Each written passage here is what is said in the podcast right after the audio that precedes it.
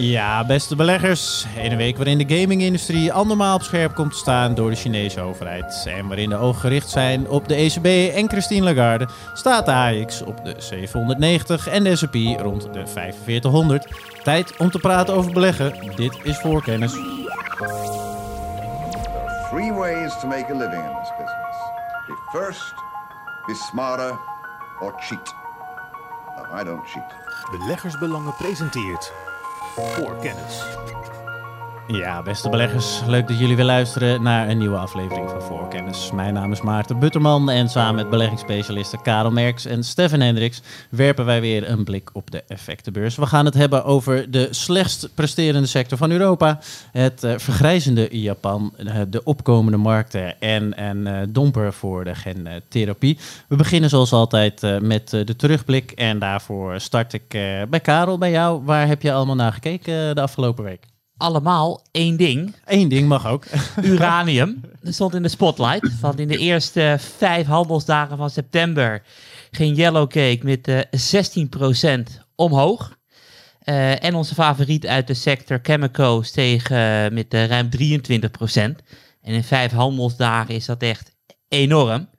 En nog steeds dezelfde drijfveren zijn aanwezig voor uranium. Wat ik ook in de afgelopen voorkennisuitzendingen heb verteld. Er is één drijfveer bijgekomen. Vertel. Dat is dat we nu ook een beleggingsproduct hebben om rechtstreeks in uranium te beleggen.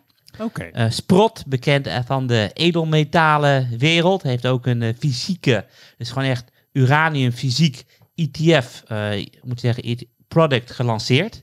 En ze halen dus uranium van de markt, slaan ze op en dat uranium zal dus nooit de kerncentrales bereiken. En als je dan kijkt sinds 22 juli de lancering, dus dat zal zijn een week of zeven geleden. En je berekent het tempo op jaarbasis uit. Dan kopen ze een gemiddelde van uh, twee keer de uh, volledige jaarlijkse uraniumproductie kopen ze op om op te slaan. En dat zet de markt in, uh, in vuur en vlam. Oké, goed om te weten. Dat kan nog wel heel even doorgaan, deze trend. Ik zag op het forum namelijk al een paar mensen die reageren ontzettend leuk. Zegt, goh Karel, dankjewel. Ik zie je, kijk met veel plezier elke avond even naar de, de koers van uh, Cameco. Ja, klopt. Elke dag uh, gaat het omhoog. Gisteren opende het wel volgens mij 4, 5 procent lager. En uiteindelijk sloot het maar 1 cent uh, lager. Okay. Dus het was een soort hammer in technische analyse. Maar wat ook meespeelt. Leuk hè, Stefan? Af en toe moet ik er een TA-term doorheen gooien. En ik hoor je al lachen aan de, aan de andere kant. Maar wat ook maar even serieus, wat ook meespeelt, is, is de steenkolenprijs. Die, die, ja. die grafiek gaat dit jaar van linksonder naar rechtsboven. We zijn inmiddels op een winst beland over 2021 van 144 procent. En dat is echt enorm. Dus de vraag naar uh, steenkolen neemt toe. En volgens mij uh, is iedereen ervan overtuigd dat, dat, de meest vervuilende fossiele brandstof steenkool is. De vraag neemt daar naartoe. Ja, je kan er alleen maar van af door meer kerncentrales te willen openen. Sommige landen willen dat, de meeste landen ja. willen dat niet. Maar ja, op het moment dat het klimaat verandert en de steenkoolprijs wordt duurder, de elektriciteitsprijs uh, gaat door het dak, je moet dan extra uitstootrechten kopen. Ja, uiteindelijk uh, zullen mensen meer kerncentrales willen. Okay. Dus ik zeg niet volgende week, maar over een paar jaar is het zeker een uh, hele interessante voor in de beleggingsportefeuille. Oké, okay, we houden het uh, in de gaten. We hoorden Stefan ook al heel even. Stefan, ook leuk uh, dat jij uh, er bent. En met dat fijne lachje van je zo nu en dan tussendoor. Waar heb je helemaal naar gekeken deze week? Nou, op, gro op groot niveau de introductie, of de mislukte introductie van Bitcoin in El Salvador natuurlijk. Dat was toch wel een apart moment. Daar zullen we denk ik over een paar jaar nog wel op terugkijken. Ja. op iets kleiner niveau, wat mij betreft, dat iets dichter bij mij ligt, uh, heb ik ook gekeken naar de ontwikkeling op de Europese high yield markt. En er zijn twee dingen wel heel erg opvallend.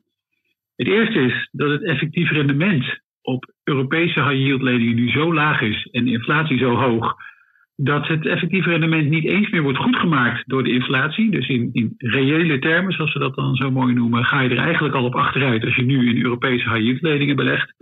Uh, en opmerkelijk genoeg uh, zijn ook de uitslagen in de risicoopslagen op die markt echt historisch laag. Dus het is, die markt is in een soort van totale rust, alsof er niks aan de hand is.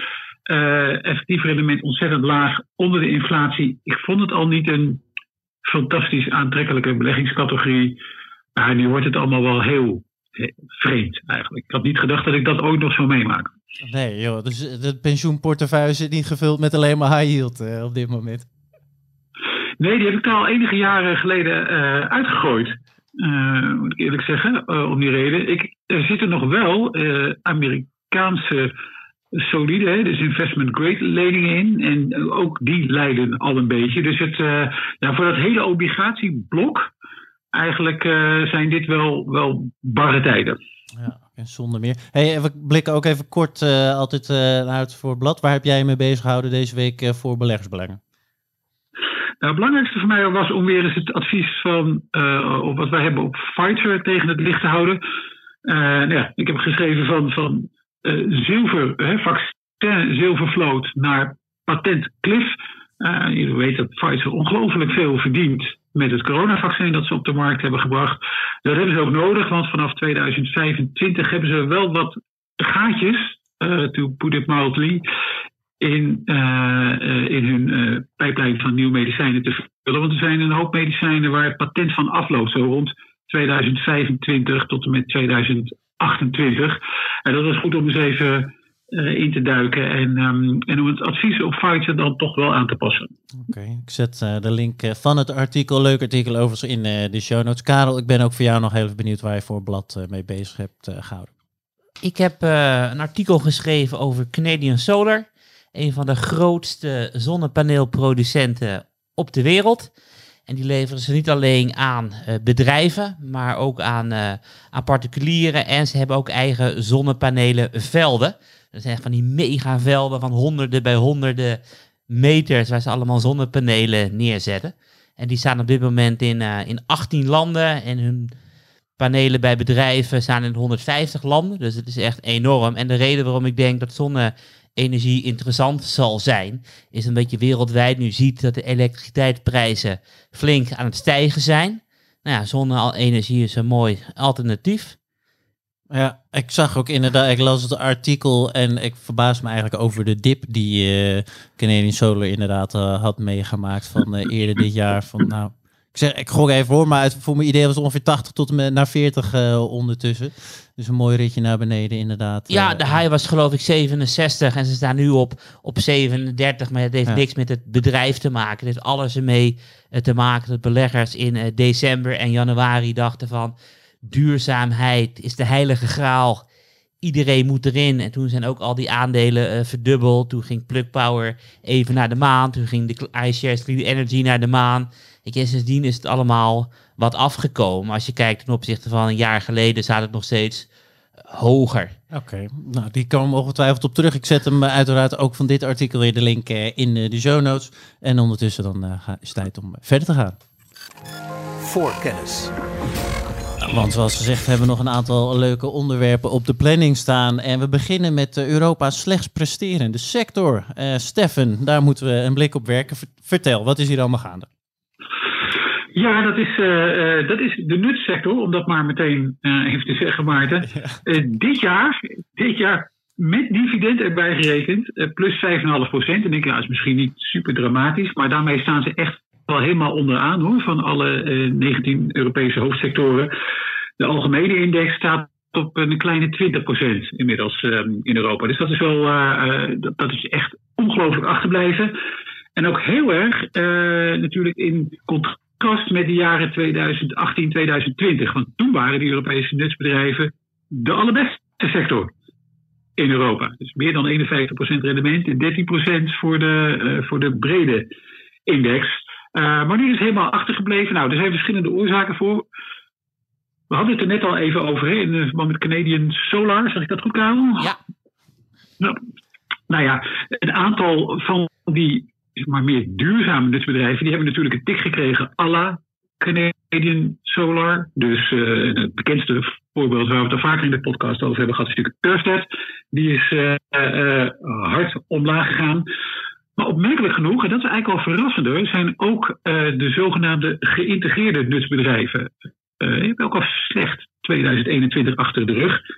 En geïntegreerde nutsbedrijven, dat wil eigenlijk niks anders zeggen. Dat zijn de nutsbedrijven die niet alleen de stroom opwekken, maar die ook de transportnetwerken hebben en de distributienetwerken. Dus die eigenlijk alles bij elkaar doen.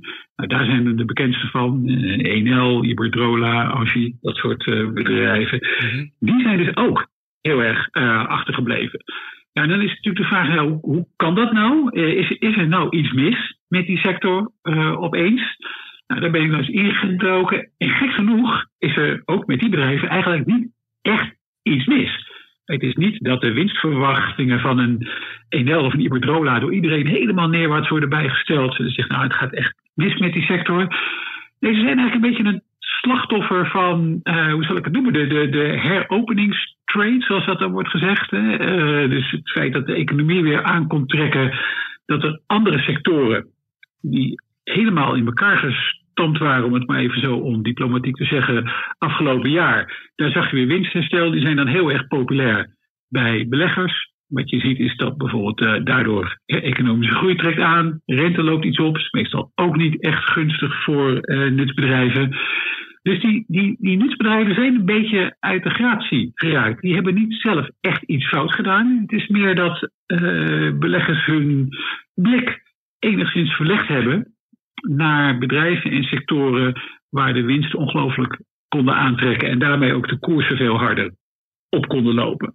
Dit zijn, um, dit zijn geen groeiers, uh, om het zo maar heel even te noemen. De nutsbedrijven, uh, nou, is, Enel en Iberdrola. Nou, dat valt op zich best mee. Het zijn geen uh, harde groeiers. We hebben het hier niet over, uh, over techbedrijven. Het zijn bedrijven die, die hun winst zo rond de 10% kunnen laten groeien. Die wel ieder jaar ook een dividend uh, toe laten nemen. Dus het is, ik zal het zeker geen snelle groei noemen. Het is ook niet dat er helemaal geen groeimogelijkheden zijn. Want ook dit soort bedrijven investeert heel veel in duurzame energie. Hè. Karel had het eerder al bijvoorbeeld over die steenkolen. Nou, dat is ook een, uh, een, natuurlijk een sector waar die nutsbedrijven ook van af willen. Dus Enel is heel erg bezig om versneld zijn steenkoolcentrales af te bouwen. En dan te gaan investeren in zonne-energie of windenergie. En daar liggen echt nog heel veel projecten. En ook voor de komende jaren kan daar nog een prima winst uitkomen. Dus wat mij betreft is wat we hebben gezien bij die, bij die grote zogeheten geïntegreerde nutsbedrijven, dat um, ja, er heeft een herwaardering van die aandelen plaatsgevonden. Dus de winstverwachtingen zijn niet echt in elkaar geklapt. De koersen zijn wel ergens tussen de 5 en de 15 procent naar beneden gegaan. Ja, dat maakt die bedrijven voor mij, en ook in mijn persoonlijke portefeuille overigens, nog steeds aantrekkelijk om erin te houden dan wel aan te kopen. Ik heb er twee opmerkingen over, waarvan misschien één een, een vraag is. Uh, volgens mij, Stefan, ben jij al jaren enthousiast over Enel. En uh, ik heb het niet opgezocht, maar volgens mij is de koers van Enel van onder de 4 uh, naar richting de 8 gegaan over de afgelopen jaren. Wat inclusief dividend 100% rendement is. Dus je moet vaker misschien wat uitzoomen en niet te veel op de korte termijn uh, bewegingen kijken. En mijn tweede is wel een vraag. Dat is, uh, jij zei net, ze willen Enel wil snel versneld van de steenkolen af. Maar dat betekent dus dat ze nog steeds steenkolen hebben. Vertellen zij ook iets van de rechten die zij moeten kopen om koolstofdioxide de lucht in te mogen uitstoten? Of is dat zo weinig dat je dat kan wegstrepen tegen de zonne-energieafdeling? Uh, nee, die, uh, ze hebben daar natuurlijk wel mee te maken. Dus hoe vervuilender jouw, uh, jouw energieopwekking is, hoe, hoe meer van die rechten je moet hebben, natuurlijk, als netsbedrijf. Maar het, het aandeel van steenkool in de totale energieopwekkingscapaciteit van Enel, die neemt heel, heel erg hard af is inmiddels ook niet meer zo groot. Op mijn hoofd een procent of zeven, geloof ik nog. Alle nieuwe projecten zijn allemaal uh, zon, uh, wind en nog een aantal uh, gasprojecten. En ook kernenergie, dat hebben ze ook. En wat je, dat is op zich wel een goed punt waar je het over hebt. Kijk, die, die stijging van of het nou aardgas is, hè, of die CO2-rechten waar we het over hebben, die leidt natuurlijk wel tot een stijging van de uh, stroomprijs in heel Europa. Dat zie je echt al her en der ontzettend hard gaan in Duitsland, heel hard in Spanje ook. Uh, en dan komt de vraag, ja, wie gaat dat ook alweer betalen? Nou, ik denk als de meeste particulieren straks naar een energierekening kijken, dat ze zullen denken, oké, nou, dat was ik in ieder geval voor een deel. En daar ontstaat wel een beetje een discussie over, volgens mij nu al in Spanje. in hoeverre je alles maar door kunt berekenen aan de eindgebruiker. Dat zou op een gegeven moment voor een aantal nutsbedrijven nog wel een, um, een, een, issue kunnen worden. Dat er misschien een bepaalde politieke tegendruk ontstaat om daar iets mee te doen. Hey Stefan, ik ben zelf uh, nog benieuwd om even terug te komen op uh, de slechts presterende sector. Uh, en überhaupt sectoren breed. Maar hoe weet je wanneer de tijd rijp is voor een sector om ja, te gaan draaien, om contrair te gaan? timing is ontzettend moeilijk natuurlijk. Waar, waar kan je als belegger wel naar kijken op een gegeven moment te zeggen van hé, hey, dit is misschien nu wel de moeite waard, los van de waardering die je al noemde? Nou, een van de dingen, maar ja, achteraf, uh, Maarten, is het allemaal makkelijk, hè, natuurlijk. Ehm, maar een van de dingen die je dit jaar wel zag, zodra beleggers hun aandacht een beetje gingen verschuiven naar wat ze in het Engels noemen, dat heet de reopening trade. Hè? Dus, dus uh, de interesse van beleggers voor bedrijven die profiteren van het weer opengaan van de economie mm -hmm. na de coronacrisis. Dat was eigenlijk het, ja, een van de meest hevige omslagpunten die ik op sectorniveau heb meegemaakt, wanneer het echt heel hard ging. Want ja, zoals al eerder al zei, de eerste paar weken van januari waren nog best oké voor die sector. Volgens mij heeft Enel geloof ik, nog rond de 880 gestaan, uh, ergens in die contraien. Staan nu, ja, wat is het, 7,60 euro geloof ik. Uh, dus dat is ook heel erg hard gegaan. en daarna is, is die interesse weggelopen. Dus als je heel veel vertrouwen had gehad, al pak een beet, 1 december in die, in die heropenings trade, dan had je misschien van een aantal sectoren afscheid genomen. Uh, en nuts was er dan misschien één van geweest, want de combinatie van uh, wat oplopende rente, aantrekkende economie, bedrijven die opeens hele scherpe winstgroei kunnen laten zien ten opzichte van het jaar daarvoor, ja, dat is een klimaat waarin nutsbedrijven gewoon niet gaan uitblinken. Want die winsten van die nutsbedrijven zijn niet helemaal afgestort in 2020. En toen hebben ze nog prima gepresteerd. Dat betekent dat ze in 2021 ook niet aan de markt kunnen laten zien. Kijk ons eens even ongelooflijk snel groeien. Hè? We hebben natuurlijk vorige week gehad over een, uh, bedrijf als uh, Eiffage of Fancy. Ja. ja, die hebben natuurlijk gigantische stijgingen kunnen laten zien. Want als er eerst nauwelijks iemand, hè, even gechargeerd, als er eerst nauwelijks iemand over die rijdt. En daarna gaan er een heleboel mensen toch weer gezellig op vakantie naar Frankrijk. Ja, dat zie je onmiddellijk terug in je cijfers. En voor die nutsbedrijven uh, was dat helemaal niet. En dan kijken beleggers naar zo'n sector en denken, ja, er gebeurt, ja, er gebeurt niet heel veel spectaculairs. Nee. En dat is misschien wel zo, maar ondertussen, de, de groene capaciteit wordt uitgebreid. De rol van die nutsbedrijven in, in de energietransitie in Europa, die is echt niet veranderd ten opzichte van eind 2020. Uh, die zijn nog steeds hartstikke nodig, dit soort bedrijven. De projecten die ze uitvoeren, die zijn nog steeds nodig. De financieringsvoorwaarden zijn nog steeds oké. Dus ik ben op, uh, op lange termijn ook helemaal niet negatief over die sector. En als ik een, bedrijf als 1.0 nu voor minder dan 14 keer de winst kan kopen met een dividendrendement van uh, dik over de 4%. Nou, dan ben ik helemaal niet ontevreden. Sterker nog, ik heb ze ook gewoon in mijn eigen portefeuille. Dan gaan ze ook zeker niet uit. Oké, okay, nog een laatste vraag. Is er nog iets dat de komende drie tot zes maanden uh, zou kunnen gebeuren... waardoor we weer terug zouden moeten komen op dit onderwerp... waardoor het weer uh, een, een ander perspectief biedt? Nou, wat voor de sector enorm zou helpen volgens mij is uh, zeg maar enige normalisering van de, de hele coronacrisis. Dus als, als het weer wat meer business as usual wordt. Mm -hmm. Uh, en we hebben dus die, die hele grote winststijging gehad. En we beginnen volgend jaar weer nou ja, op, een wat, op een wat andere manier te kijken naar de, naar de economie. Dan, dan komen de kwaliteiten van die sector, denk ik, vanzelf wel weer bovendrijven. Het sneeuwt nu gewoon onder. Kijk, bij de grootste zorg zou zijn geweest als die nutsbedrijven dit jaar nou operationeel gezien, populair gezegd, niks van hadden gebakken. Ja, dan had ik me wel zorgen gemaakt. Helder. Maar dat is niet het, dat is niet het geval. Oké, okay, nou we komen daar nog op terug. Een interessante sector en uh, ook overigens uh, twee aandelen die wij volgen, Inel en Iberdrola. Tijd uh, om verder te gaan. Voorkennis naar uh, Japan uh, in dit geval. En die wordt ingeleid uh, door Karel. Want Karel, jij hebt hier een tijdje geleden een artikel over geschreven. En daarom kijken we nu naar. Vertel. Klopt. Nou ja, de hoofdreden dat ik er naar kijk zijn de koersbewegingen in Japan. Uiteraard. Want sinds 20 augustus staat de Nikkei 225 11,2% hoger. En als je dan kijkt voor de AX is het 3,4 en de S&P is 1,8. Rendement heb ik allemaal uh, teruggerekend naar euro's. En het opvallende is dat de Japanse aandelen sterk begonnen te stijgen nadat premier Suga gezegd had, ik ga ermee stoppen. Dus het is altijd wel weer, uh, wel weer grappig. Als iemand weggaat in de koers, ze gaan dan uh, door het dak. Ik weet niet wat een beetje euro doet, maar volgens mij is het niet goed. ja. En dit vind ik wel weer een mooie aandeling, aanleiding om naar een uh, artikel te kijken wat ik over Japan heb geschreven in 2016. Mhm. En de aanleiding voor dat artikel was dat ik las in de New York Times dat er in Japan uh, meer luiers werden verkocht voor bejaarden dan voor baby's. Wat natuurlijk een teken is dat het land uh, enorm aan het uh, vergrijzen is. Mhm. En ik vind het op zich wel een heel interessant thema. Want we hebben natuurlijk robotisering en we hebben algoritmes. En het idee is een beetje dat het ervoor gaat zorgen dat heel veel mensen hun baan gaan verliezen.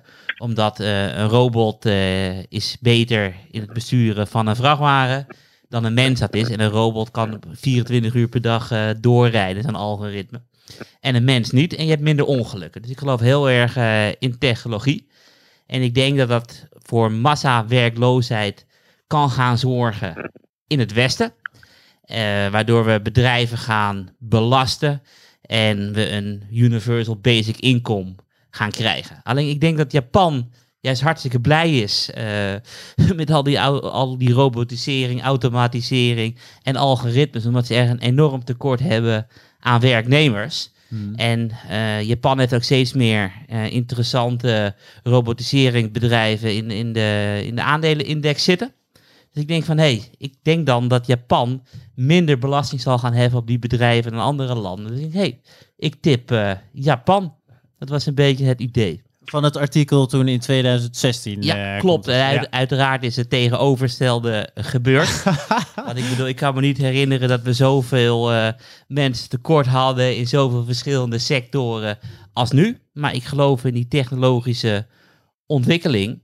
En daarnaast, uh, wat ik wel weer een grappig feitje vond, ik had ook de, naar aanleiding wat te googlen, ik kwam bij de Japanese Times uit waarin stond dat er, ja, we, ze verkopen nu meer robots in de dienstensector, voor de dienstensector, dan in de industrie. Waarom, waarom vind je dat zo'n leuk uh, feitje? Wat vertelt dat jou? Dat vertelt mij dat je naar de McDonald's kan gaan en dat je geen medewerker nodig hebt. Je hebt gewoon een robot die naar je toe komt om je frietjes te brengen. En het klinkt heel erg stom, maar ja, je bespaart wel weer heel veel arbeidskosten daarop. En de Japanners vinden het geweldig. Ja, ik ben er benieuwd naar. Ik las een keer een artikel van iemand, dat is op zich een heel interessante stelling. Die zegt, ja, robotisering zal impact hebben op arbeid. Maar op een gegeven moment, uh, robotisering zal altijd wel van een bepaalde kosten blijven. Zijn uh, menselijke werknemers gewoon goedkoper? En dan zit daar ergens zit een spanningsveld uh, natuurlijk. Ja, maar ja, ik denk als ik bijvoorbeeld kijk naar de Albert Heijn. Ik reken bij, een, bij een kassa af zonder iemand die erachter zit. En ik kan me niet voorstellen dat als het niet winstgevender was, dat, dat ze niet steeds meer van die automatische checkout zouden installeren. We hebben dus eh, deze week uh, overigens een uh, heel goed artikel van uh, Michiel Pekelharing gehad als omslagverhaal verhaal van de week over kunstmatige intelligentie. En die tipte dan ook een van de tips, dat was Zebra Technologies. En uh, die zit dus ook in de supermarktketen heel erg in de, de automatisering sector. Dus ik was, dat vind ik een heel leuk voorbeeld. Ik dacht zelf, omdat jij het over vergrijzing had, echt, echt robots in die zin die bijvoorbeeld ouderen helpen met het aantrekken van kousen. Ja, daar zijn ook gewoon allemaal markten voor. Steffen, ik ben ook benieuwd, hè, we kunnen jou bij het onderwerp vergrijzing niet links laten liggen, uiteraard. Hoe kijk jij hier eigenlijk naar? Nou, volgens mij valt het dan voor mij. Ik dacht dat ik nu ergens in, in de, demografisch gezien, in de uh, uh, grootste groep zit in Nederland. dat zijn niet uh, de 80-plussers, Maarten. Dus ik, Uit, uiteraard een geitje, maar ik ben wel benieuwd naar jouw beleggersblik op het gewoon überhaupt robotisering. En of jij er, oh ja, hoe kijk je er als belegger naar? Nou, er is wel eens een, een zekere onvermijdelijkheid in dit soort uh, ontwikkeling. Want je, je, haalde al het artikel van uh, collega Michiel Pekelhaar aan. En een van de dingen die. Ik open heel vaak websites waar dan automatisch een chat functie op pot in mijn beeld. En daar zit, en daar zit natuurlijk niet, daar zit niet iemand te tikken. Maar ook dat is heel veel. In, uh, nou, dus dat betekent dat, uh, dat zo langzaam maar zeker zal dat, ja, zullen we het op steeds meer plekken gaan zien. Wat ik, wat ik heel erg interessant vind aan Japan, is dat die op de een of andere manier. Ehm, ik ben geen kenner, maar ze lijken een, een hogere tolerantie te hebben voor robothulp bij mensen, hè, waar wij hier zeggen, nou het is toch een menselijk contact is belangrijk. Als je het nou bijvoorbeeld hebt over uh, thuiszorg, om het zo te noemen. Mm op de een of andere manier lijkt dat daar, uh, lijkt Japan dan een beetje het, voorland te zijn, die, die misschien daar nou, wat minder moeite mee lijkt te hebben, waardoor ze op dit gebied ook iets verder voorloopt. Het is misschien ook wel een noodzaak, hè, als je daar arbeidskrachten misschien niet meer helemaal hebt, dat je dan vanzelf al wel wat, uh, wat anders gaat zoeken. Maar ik denk dat het redelijk onvermijdelijk is dat we het in al, allerlei uh, facetten in ons leven steeds meer terug gaan zien. Ik weet niet of je er blij van moet worden, maar um, op sommige gebieden is het heel handig. Ja. Op andere gebieden zou je twijfels kunnen hebben, maar dat, maar dat het gewoon dat die opmars aanhoudt, ja, dat lijkt me uh, zowel duidelijk als onvermijdelijk. En, dan kunnen wij, uh, kijken weer even naar jou, Karel, want ja, Japan is dan toch een voorloper, ook met vergrijzing. Europa gaat daar ook achterna. Zijn er trends uh, die wij één op één, nou niet één op één, maar waar we wellicht als belegger kunnen leren, doordat ook hier de vergrijzing meer naar het niveau gaat van Japan? Oeh, het is wel een heel interessante vraag, wel moeilijk om te beantwoorden, want wij in hmm. Europa hebben veel meer immigratie dan uh, Japan. Hmm. Dus onze bevolking uh, is daardoor ook gemiddeld genomen een stuk jonger dan Japan. Maar ik kijk wel al heel lang naar Japan, omdat zij natuurlijk de eerste waren uh, waar de kredietzeepbel barstte in 89. Ik bedoel, ze waren de allereerste waarbij de 10-jaarsrente onder de 1 ging. Um, en ze zijn nu ook massive QE aan het doen. Um, en Japan zal wel een keertje uh, iets moeten laten zien waar, wat wij kunnen, waar wij kunnen van leren. Dus een voorbeeldje. In de wereld is de meest liquide obligatiemarkt zijn Amerikaanse staatsobligaties. Uh, Japan, uh, qua uitgegeven obligaties, is geloof ik tweede of derde daarvan. Volgens mij tweede. En je hebt dagen erbij waarbij er met staatsobligaties nul transacties zijn. Waarom? Omdat bijna 80% in handen is van de centrale bank. Um, daar moet een keertje wat gebeuren. En ik heb geen flauw idee wat. Maar waarschijnlijk moeten zij wel eerder wat doen dan in het Westen. Dus ik kijk er naar. Maar tot nu toe uh, begint alles steeds meer op elkaar te lijken. Dus de balansen van de centrale bank lopen zeer sterk op. Overheidsschulden lopen nu zeer sterk op. Rentes zijn heel erg laag. Ja. laatste vraag. Gaat, gaat de nieuwe premier daar op een of andere manier veranderingen uh, in brengen? Dat het uh, de boel zo in beweging nou ja, je had natuurlijk in 2013 Abenomics. Ja. En de analisten die beter, die veel beter, moet ik zeggen, echt veel beter dan ik Japan volgen, die zeggen dat de opvolgers die waarschijnlijk klaarstaan, rechter in de leer zijn bij Abenomics dan dat Hugo dat was. Dus uh, we komen er over een jaartje weer op terug om te kijken hoe de aandelenmarkten dan daar uh, presteren. Voorkennis. Schitterende bruggetjes uh, vandaag in deze podcast. Maar het is tijd om verder te gaan en daarbij terug naar Steffen. want ja, je konde het vorige week al heel even aan. de FDA die ging of uh, de gentherapeuten helpen of het leven moeilijker maken. En uh, dat is niet helemaal wenselijk uitgepakt voor de gentherapie, Stefan, uh, als ik het goed begrepen heb. Nee, dat klopt. Heb je, daar heb je gelijk. Het, is een, het was een beetje een bevredigende uitkomst eigenlijk. Dus ze hebben twee dagen lang en van allerlei onderzoeken gepubliceerd. Misschien wel even goed nog om te herhalen wat dan eigenlijk is onderzocht en waar dan eigenlijk over is gesproken. Graag. deze vorm van gentherapie Ehm, zorgt ervoor dat mensen met een erfelijke uh, afwijking, aandoening, dat die in één keer een nieuw gen toegediend krijgen. Nou, dat gen moet op een bepaalde manier toegediend worden. Nou, daar heb je een vehikel voor nodig. Uh, dat vehikel is een virus, zogenaamde AAV-virus. Nou, de zover is vrij simpel. De rol van het virus is vrij duidelijk. Die neemt dat, die genetische informatie mee van het nieuwe gen. naar de cel, dat moet in de celkern komen en daarmee moet, uh, is jouw genetische informatie als persoon veranderd en zou je, uh, als het goed is, die erfelijke aandoening niet meer moeten hebben. Nou, dit is even in een heel erg gesimplificeerd in de notendop wat het is. Mm-hmm. Maar dat vehikel, dat virus, dat zou eigenlijk verder geen schade meer moeten hebben. Dat is, zoals we dat dan zo mooi noemen, een onschadelijk gemaakt virus. Met als enige rol eh, gewoon een transportmiddeltje. Verder niet. Levert het geen af en doet verder niks. Maar helaas, in de praktijk uh, blijken nu toch al een paar keer uh, ja, er min of meer uitgekomen zijn dat dat virus misschien toch nog wel iets doet. Dat dat virus zich ook in het menselijk genoom gaat begeven. En daar zorgt voor afwijkingen. Uh, dus bijvoorbeeld leverfalen, maar ook vormen van kanker en dan ook met name leverkanker.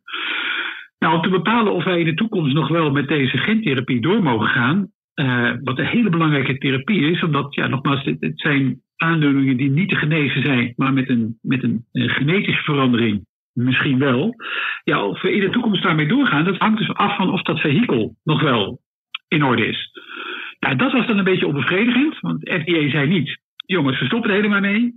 Ze zei ook niet, we gaan er maar helemaal mee door. Maar er is nog meer onderzoek nodig. En dan denk je, ja, dat is wel een beetje een, een flauwe middle of the road. Maar een paar dagen later werd wel duidelijk waarom de FDA dat vindt. Toen werd weer een teststudie van uh, stilgelegd. Uh, naar een gentherapie tegen een ernstige stofwisselingsziekte. Ook weer vanwege die bijwerkingen. Aandeel min 8%. Dus Waar eerst nog heel veel hoop was over die gentherapie, is echt nieuws. Hè? Dus niet een medicijn dat gewoon symptomen van een bepaalde aandoening onderdrukt, zodat je ermee kunt leven. Hmm. Maar gewoon echt een oplossing. Dat, dat is wat gentherapie zou kunnen zijn. Echt een oplossing. Ja, dat optimisme. Ook bij mij is wel een klein beetje uh, weggeëpt. Er zijn nu wel veel studies die worden stilgelegd. Uh, en ja, echt hard bewijs van het is niet schadelijk of het is wel schadelijk, dat is nog steeds niet geleverd, waardoor dat maar boven die sector blijft hangen. En dat is vervelend, uh, uiteraard, voor een aantal individuele bedrijven. Ook bijvoorbeeld voor Big Pharma, want we hebben het eerder gehad over Pfizer. Mm Een van de strategische speerpunten van Pfizer is ook gentherapie, om maar eens wat te noemen. Um, dus het, het, ik vind dat de FDA, uh, het is goed dat het bestudeerd wordt, maar uiteindelijk is, is de sector als geheel hier nog niet mee geholpen. blijft er een beetje uh, boven hangen, moet ik eerlijk zeggen. Je ziet ook weinig overnameactiviteit nu. Wel heel veel nog andere overnamen in de biotech-sector, maar niet op deze specifieke uh, gentherapiebedrijven. Dus dat is wel anders dan een paar jaar geleden. Toen kocht Novartis voor 7,8 miljard, geloof ik, Avexis. Roche kocht Spark Therapeutics voor een miljard of vier. Echt grote overnames. In de hoop dat dat helemaal zou veranderen. Nou, dat is een beetje uh, stilgelegd. Ik heb zelf nog een van die specialisten in portefeuille, Unicure. Nou, die, die, hou, nou, die hou ik ook vast. Want ja, ik wil, ja, dat geeft mij nog meer uh, ja, aanleiding om die ontwikkelingen van zo dichtbij als mogelijk te volgen. Als aandeelhouder namelijk van dit soort bedrijven. Ja. Maar ik ben me er wel van bewust dat het risico echt ja, het, hangt nog steeds heel onaangenaam boven die sector. Wat had je, daar ben ik dan benieuwd naar, want je stelt wel heel expliciet helaas. Het is ook niet zo dat dit op de lange termijn goed nieuws eh, kan zijn. Dat ze zeggen van nou jongens, eh, er is eh, onderzoek geweest, eh, maar er zijn nog wel een aantal dingen die moeten verbeteren. Eh, waardoor het over vijf jaar, ik noem maar wat, wel weer kansrijker is. Of dat is er ook helemaal niet uitgekomen? Nee, dat, dat, dat zou nog kunnen. De, de FDA wil geloof ik langere uh, diertesten hebben. Uh, Pfizer denkt dat het met uh, menselijke cellen ook goed te achterhalen is. Maar het probleem is dat er een. Um, dit is niet helemaal nieuwe technologie. Het is, het is er al wat langer. Er zijn ook al medicijnen die al veel langer in testfase zijn. Er zijn er ook al twee op de markt. En nog steeds is dat, is dat die hele kwestie niet echt opgelost. Het is ook niet echt gezegd van, nou, dit kan dus niet. En dat zie je eigenlijk met al die gentherapieën, uh, ook wel eens met die CRISPR-Cas9, waar we het in deze podcast wel eens over hebben gehad. Het is het is nog niet helemaal. Er vinden nog zaken plaats waarvan wij eigenlijk dachten dat ze niet plaats zouden vinden. En als belegger ja, is het toch wel fijn als je meer zekerheid uh, hebt, uh, uiteraard. Ik ben nog benieuwd, jij noemde ook even de investering vanuit Big Pharma. Deze bedrijven die kunnen niet zelfstandig overleven. Deze sector uh, heeft Big Pharma nodig? Ja, eigenlijk heeft bijna heel biotech wel Big Pharma nodig, omdat nu eenmaal de ontwikkelingskosten van een medicijn die zijn enorm.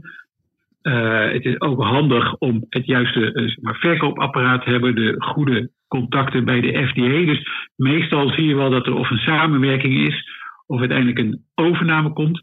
Productiecapaciteit van gentherapie is ook nog wel een, uh, een item. Nee, dus ook vrij kostbaar. Mm -hmm. Dus meestal kan zo'n biotechbedrijf een aantal stappen wel zetten. Je moet dan nog wel geld ophalen, uh, eens in de zoveel tijd. Maar om het uiteindelijk wat grootschaliger op de markt te brengen, is er vaak wel een grote partner nodig. Nou, we hebben het al een paar weken geleden gehad hè, over BioNTech. Uh, ja, die ontwikkelen een, uh, een, een coronavaccin op mRNA-basis. Maar die hadden dat zelf niet zo snel uit kunnen rollen zonder de gigantische productiecapaciteit van een Pfizer. En zo zit dat met meer van die bedrijven. Je ziet dat er gespecialiseerde bedrijven zijn die die productiecapaciteit bijvoorbeeld ook hebben voor het geval een biotechbedrijf inderdaad succesvolle testen kan laten zien. Oké, hey, ik ben nog uh, voor een laatste uh, stukje benieuwd, want uh, dit is dan vanuit een rapport vanuit het FDA of een congres dat ze hadden. Zijn er in het verleden, en kijk jou ook aan Karel of je hier misschien een antwoord op heeft, maar de FDA die kan gewoon hele grote impact hebben op sectoren met onderzoeken, congressen en wat wel en niet mag uiteraard. Kunnen jullie zo 1, 2, 3 bedenken wat in het verleden misschien sectoren die echt geplaagd zijn of juist heel erg geholpen door een uitslag of een bekendmaking van iets vanuit de FDA? Dat is een uh, lastige vraag als ik hem uh, zo, de stilte hoor. Nou ja, geholpen is wat je een beetje ziet, maar het is dat het, uh, het afhankelijk is van wie die FDA leidt, hoe, de, hoe, de, hoe het sentiment daar is. Dus er zijn perioden waarin de FDA ja, laat maar zeggen, wat makkelijker is. En er zijn perioden waarin de FDA juist wat meer op de rem trapt. Nou, bijvoorbeeld deze week heb ik ook nog aandacht besteed aan Ervi. heeft een, reuma-medicijn dat op een bepaalde manier werkt. Mm -hmm. nou, krijgt een enorme koerstik, omdat de FDA onderzoek heeft gedaan naar een ander reuma-medicijn van Pfizer, dat op min of meer dezelfde basis werkt. En heeft gezegd van ja, er zitten wel wat veel bijwerkingen aan. Hier willen we toch nog wel wat waarschuwingen aan toevoegen en bepaalde patiëntgroepen toch wel uitsluiten. Dan krijgt opeens FI ook een tik, ondanks dat de FDA niet dat medicijn van FI specifiek heeft onderzocht. Dus er zijn ook wel, het, het is een beetje een, een, een app en vloed soms in die, in die FDA. Dus er zijn perioden waarin de, de toelatingen soepeler waren. Er zijn perioden waarin de FDA gewoon strenger is. Heel moeilijk is om te achterhalen waar dat nu precies van komt. Uh, in die gentherapie is, het mij wel duidelijk, want er zijn ook al uh, doden gevallen van patiënten die mee hebben gedaan aan, uh, aan die klinische testen. Nou, dan, dan trap je natuurlijk heel erg hard op de rem als je de werking nog niet precies weet. En het heeft denk ik ook een beetje te maken met hoe innovatiever het medicijn, ja, hoe voorzichtiger misschien in eerste aanleg een Federal Reserve is, of sorry, een Federal Reserve, een FDA is, omdat we natuurlijk wel meer willen weten over de werking ervan. dus als jij de, wat we vroeger hadden, de derde, vierde, vijfde, zesde, zevende cholesterolremmer mm op de markt brengt, met allemaal een, een soortgelijke werking, ja, dat gelooft de FDA wel. Daar willen ze best een goedkeuring aangeven. In ieder geval dat dat medicijn geen, geen kwaad doet. Okay. Uh, maar andere technologie is dat wel iets anders.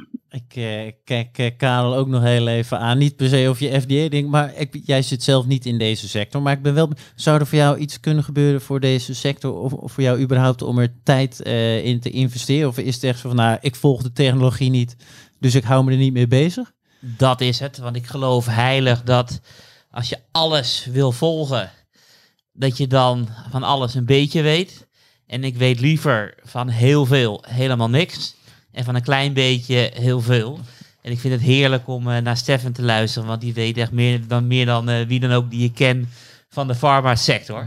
Dus ik bedoel, ik, ga, ik heb niks toe te voegen. Ik vond alleen een interessant verhaal. Nee, Oké, goeie. Nou, we hebben nog één onderwerp waar je lekker bijdraagt. Gaan we daar meteen door naartoe. Voorkennis. Uh, dat zijn de, de opkomende markten. Is Stefan ook uh, redelijk in thuis overigens. Maar uh, Karel, ook zonder meer, die heeft een tijd geleden een heel leuk artikel over zijn favoriete opkomende markten geschreven. En daar gaan we nu even op terugblikken. Want het gaat op zich niet verkeerd, maar er zijn nog wel individuele verschillen waar we het over kunnen hebben. Vertel. Ja, klopt. 17 maart schreef ik het omslagverhaal dat er meer opkomende markten zijn dan China. En China maakt geloof ik 40 of 45 procent uit van de opkomende marktenindex. Maar ja, ik ben een keertje naar die andere landen gaan kijken. En ik heb gekeken naar welke landen vind ik aantrekkelijk. Dat heb ik gedaan op een basis van meerdere eh, factoren. Eentje daarvan is demografie. Een andere daarvan is uh, waardering. En ik wil er vandaag wil ik er eentje uitpakken. Dat is Polen. Oké. Want Polen is uh, wereldwijd koploper in meeste teruggang in de waardering in de afgelopen 20 jaar. Dus sinds 2000 zijn die aandelen alleen maar goedkoper geworden in Polen 20 jaar lang. En ik heb geen reden kunnen vinden waarom dat terecht is. Oké. Ik heb werkelijk geen flauw idee. Want volgens mij, ja, los daarvan dat ze een beetje moeite hebben met persvrijheid en Europees recht en et cetera, gaat het volgens mij uh, wel goed met dat land. Dus dat was een van die landen. Uh, de, als je kijkt naar de KW, dus de gemiddelde uh, Chile KW moet ik zeggen, dus de KW met de gemiddelde winst over de afgelopen 10 jaar, die van Polen was ietsje meer dan 10, wat echt heel erg laag is. En in de afgelopen zes maanden hebben we het zien oplopen naar uh, 12,9. Dus dat is een, een koersrendement van 27 procent. En ik denk dat er nog wel veel meer in het vat zit. Want op het moment dat je kijkt naar Europa. De waarderingen zijn 100% hoger. En de waarderingen in de Verenigde Staten zijn zelfs uh, eh, 200% hoger. Ja, dat, uh, we zitten met het technische mankementje waar de camera heel even is afgeleid. Maar uh, ik denk dat het geluid ondertussen weer beter is. Ja, terug naar de KW. Ja, klopt. Nee, maar dat was het verhaal wat ik kwijt wilde. Want de KW is ruim 12. Uh, in Europa is hij 25, 24,8 vandaag. En in de Verenigde Staten zitten we op 39. Dus die Poolse aandelen zijn nog steeds hartstikke goedkoop, relatief gezien. Dus ik denk dat nog veel meer in het vat zit. Alleen het zijn niet echt een korte termijn. Want mijn idee was uh, in maart in de komende tien jaar welke mhm. vijf opkomende markten een hoger rendement hebben halen dan de Verenigde Staten. Ja. En, en, en Polen, ja, het is een. Het is officieel is het zelfs nog opkomende markten.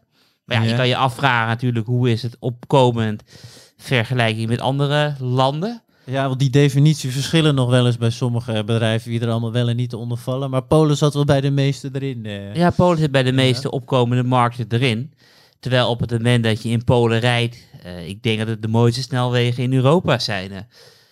Geen idee. Ik heb er nog oh. nooit gereden. Maar ik vind het wel bizar dat het inderdaad eh, sowieso een hele leuke manier te kijken. De koploper in waardering over de laatste 20 jaar. Teruggang, in waardering, inderdaad. Maar dan zie je ook weer, dat als een KW van 10 naar 12 gaat, dan heb je al een, een rendement van 20% te pakken. Ja, en, en er staat op dusver ook de tip, of ja, niet om je op je borst te kloppen, maar 27 ja, klopt, dat klopt, dat is goed. Maar ik bedoel, ik heb het niet over Turkije, die 5% in de min nee, staat. we gaan de rest ook nog heel dus even kort behandelen. Dus ik wilde gewoon uh, over Polen, wat ik het gewoon nog een, een hele mooie, mooie case nee, vind. zonder meer. Want als je zo'n rekenvoorbeeldje doet, in Amerika zijn we bijna op 40 beland.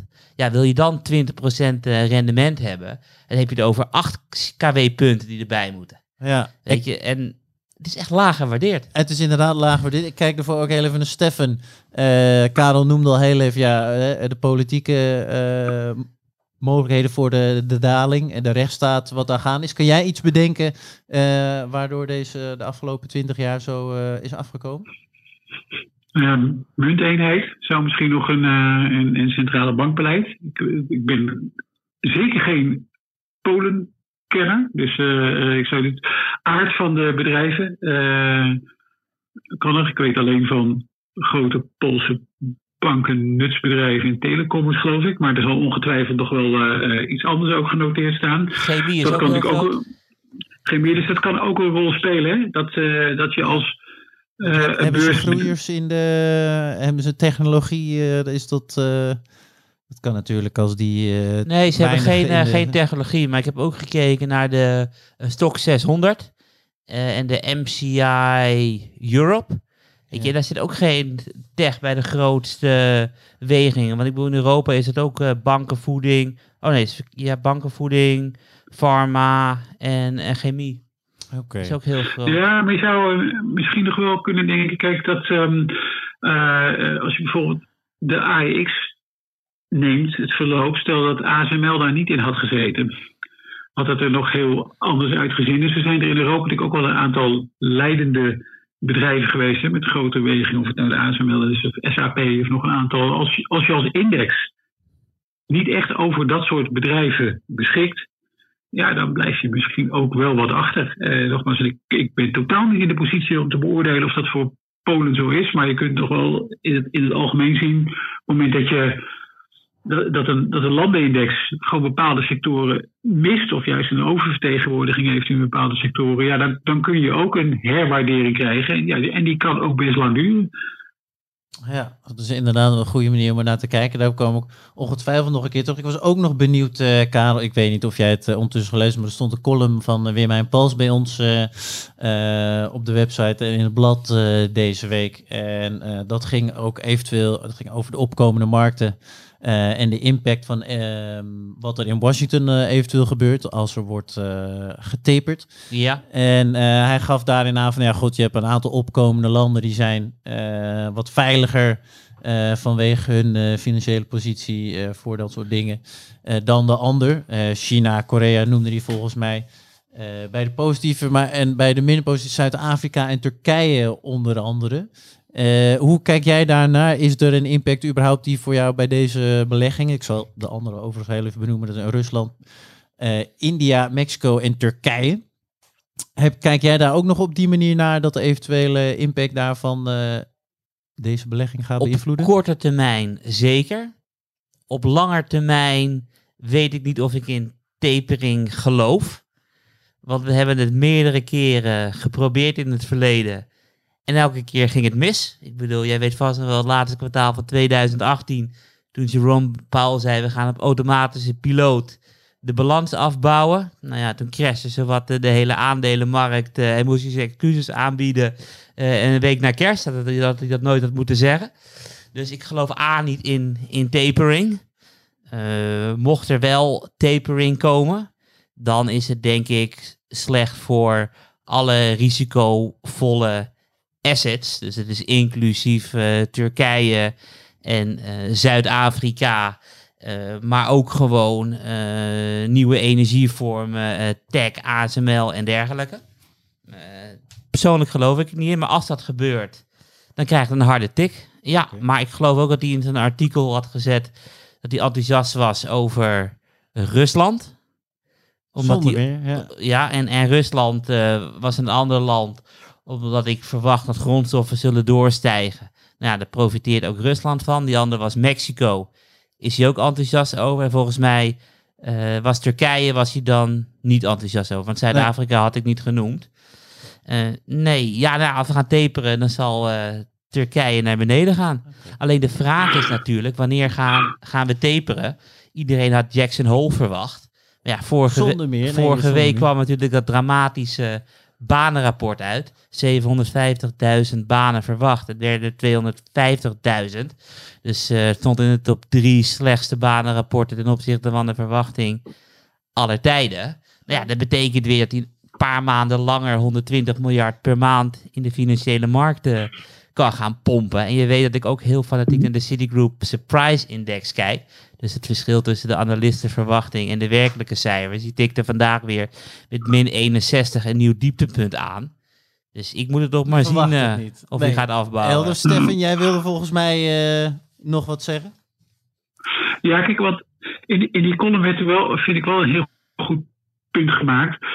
Kijk, of, of het nou wel of niet door tapering komt. Uh, maar er zal heus wel weer een moment komen dat de dollar nog serieuzer aantrekt, de rente gaat stijgen.